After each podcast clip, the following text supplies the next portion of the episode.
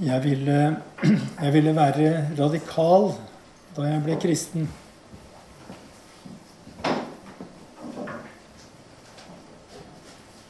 Men, eh, men jeg forsto ikke hva det var. Jeg forsto ikke at å ville være radikal nesten alltid er synonymt med å ville være sterk. Og jeg innså ikke at hengivenhet, ambisjoner eller entusiasme aldri har gjort noen radikal.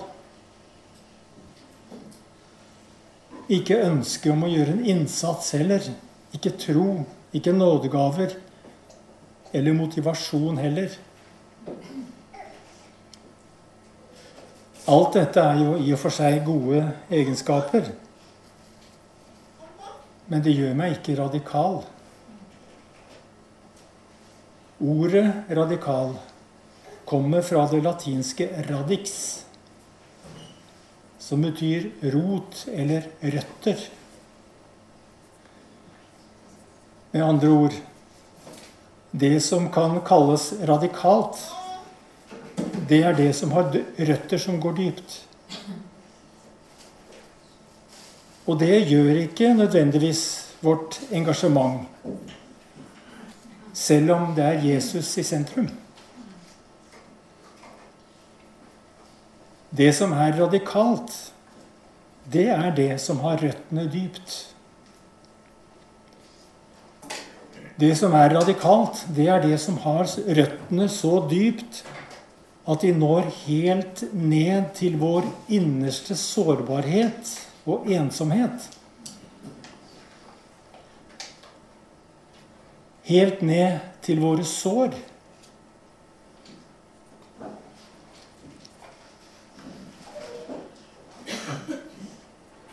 Jeg tenker kanskje fremst på de sår som vi har blitt tilføyd av mennesker.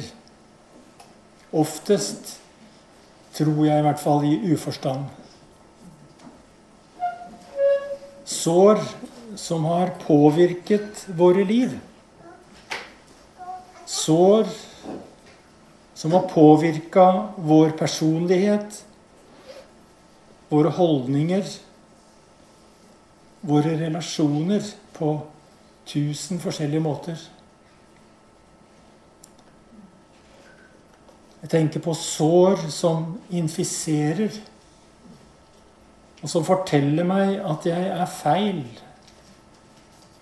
Eller at jeg er dum og ubegava. Eller at det aldri kan bli noe av meg. Og alt som går i den retning. Ingen av oss unngår sår. Og alle sår inneholder smerte.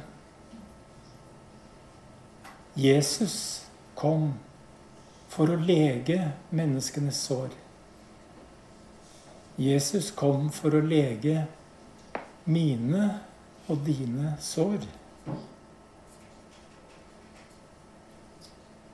Profeten Jeremias sier et sted Det er Gud som sier det, da, riktignok. Jeg vil la sårene dine gro og lege slagene du har fått. Det Guds ord vil fortelle oss, det er at det fins en drivkraft hos Gud som oppsøker sårbarheten. Og det er jo lett å se at Jesus har en forkjærlighet for de mest sårbare. Det er egentlig en nøkkel til evangeliet. Og det er sårbarheten som gjør at mennesker venner seg til Jesus. En offiser som har en lam tjener. En synagogeforstander som har en datter som er død. En blind mann som sitter og tigger utenfor Betzaida. En kvinne med blødninger som rører ved Jesu kappe. Brød til 5000 sultne.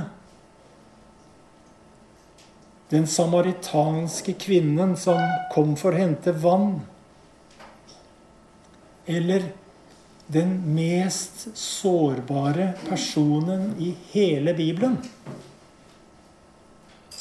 Røveren på korset ved siden av Jesus. Han ba om en tanke og fikk en himmel.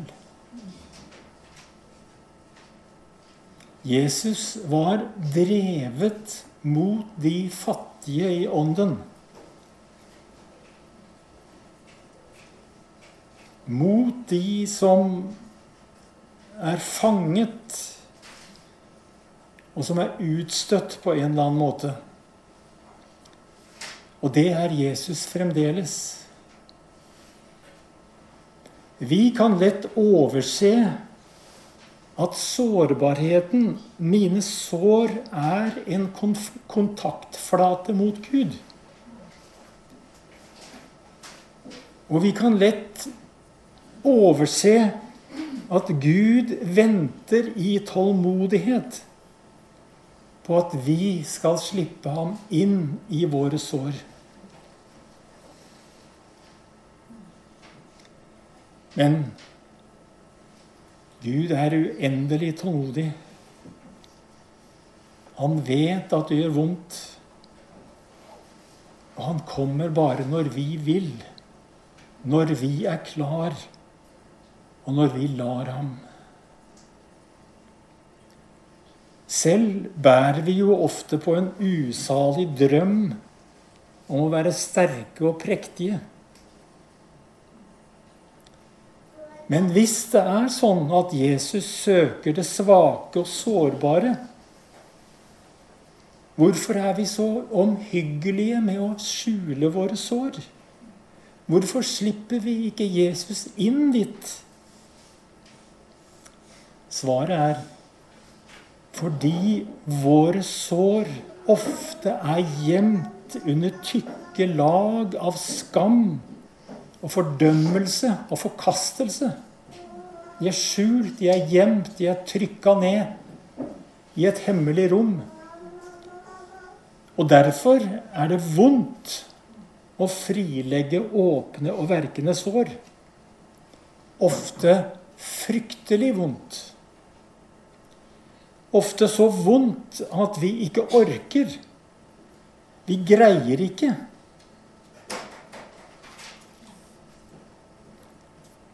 Men Jesus søker dette mørket.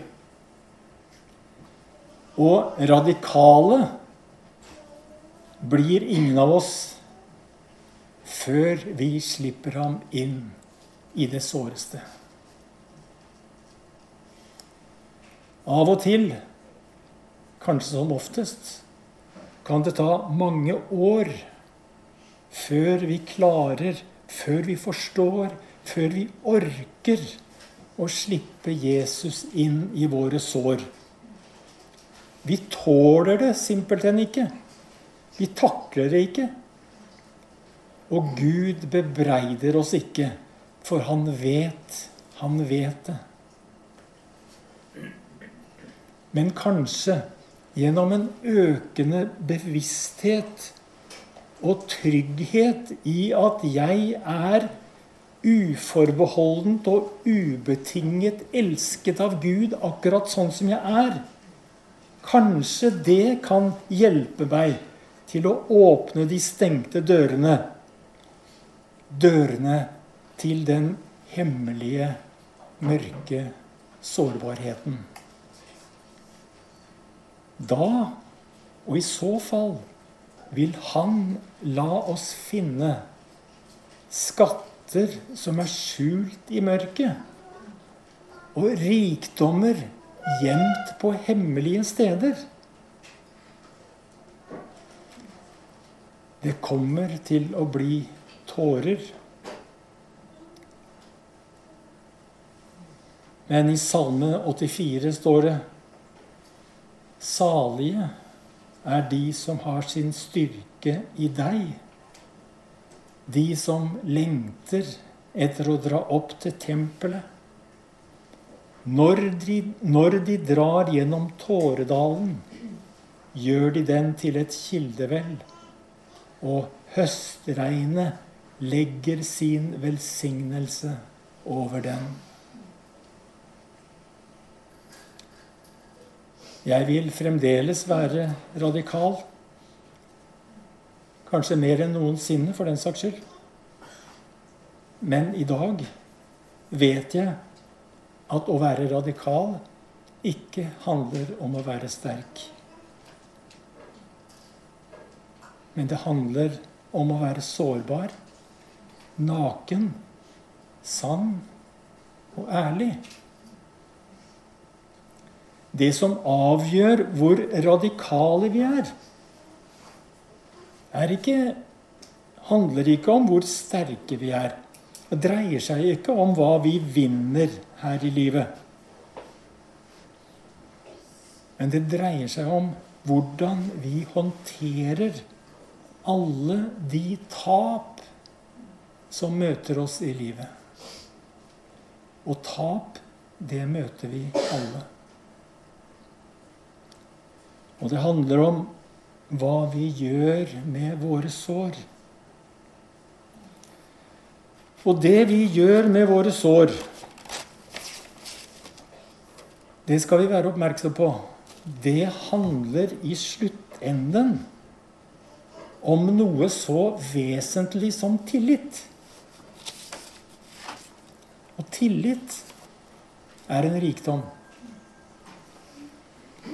i det samfunnet som vi er en del av, så er det ikke vår skråsikkerhet. Det er ikke hvor sterke og lykkelige vi er. Og det er ikke våre Facebook-portretter som skaper tillit. Det som skaper tillit, er det ærlige, det sårbare, det svake det har appell. Fordi det er noe alle mennesker kan kjenne seg igjen i. Sårbarheten er simpelthen en kommunikasjonsflate som skaper relasjoner, skriver Runar Eldebo. Sårbarheten forener mennesker, fordi vi har jo alle sår. Den som er radikal i sin sårbarhet, og som ikke søker tilflukt under en sterk fasade. Den som er blottstilt og ubevæpna gjør at alle andre føler seg velkommen. Sårbarheten og svakheten er en flate hvor vi kjenner hverandre igjen. Og hvor vi kan skape tillit. For sårbarheten, det er sårbarheten som snakker sant om livet. Det er sårbarheten som kan si 'Jeg ser at du også bare er et menneske'. Jeg ser at du heller ikke er fullkommen. Sårbarheten er en kontaktflate for alle mennesker. Uansett tro, miljø, bakgrunn, etnisitet. Sårbare er vi alle. Det er ikke det sterke som skaper trygghet. Det er det svake. Skråsikkerhet skaper mistenksomhet. Mens sårbarheten er et speilbilde av det samfunnet som menigheten er en del av. Da apostelen Paulus skryter av sin svakhet, så er det egentlig ikke for svakheten i seg selv, men fordi han har erkjent at Guds kraft fullendes i svakhet. Derfor er jeg fylt av glede, sier apostelen, når jeg er svak. For når jeg er svak, da er jeg sterk. Sårbarheten gjør ham avhengig av Gud. Sårbarheten gjør oss avhengig av Gud. Og det er godt. Det er godt å være avhengig av Gud selv om det koster å slippe ham inn i mine sår. Så lenge vi vil være sterke, hele og prektige, så oppdager vi ikke Så oppdager vi ikke den flod av barmhjertighet og velsignelse og nåde som kan strømme fra de åpne sår som Gud har fått berøre med sin legedom. Og dette er et mysterium som berører det innerste i kristendommen. Det berører vår delaktighet med den korsfestede Kristus. Han som ble såret for våre overtredelser, knust for våre misgjerninger. Straffen lå på ham. Vi fikk fred. Ved hans sår ble vi helbredet. Når skal det fullt ut gå opp for oss når skal vi innse, når skal vi ta imot? At det er og blir menneskenes sårbarhet og svakhet som er møteplassen mellom himmel og jord. Ikke min prektighet.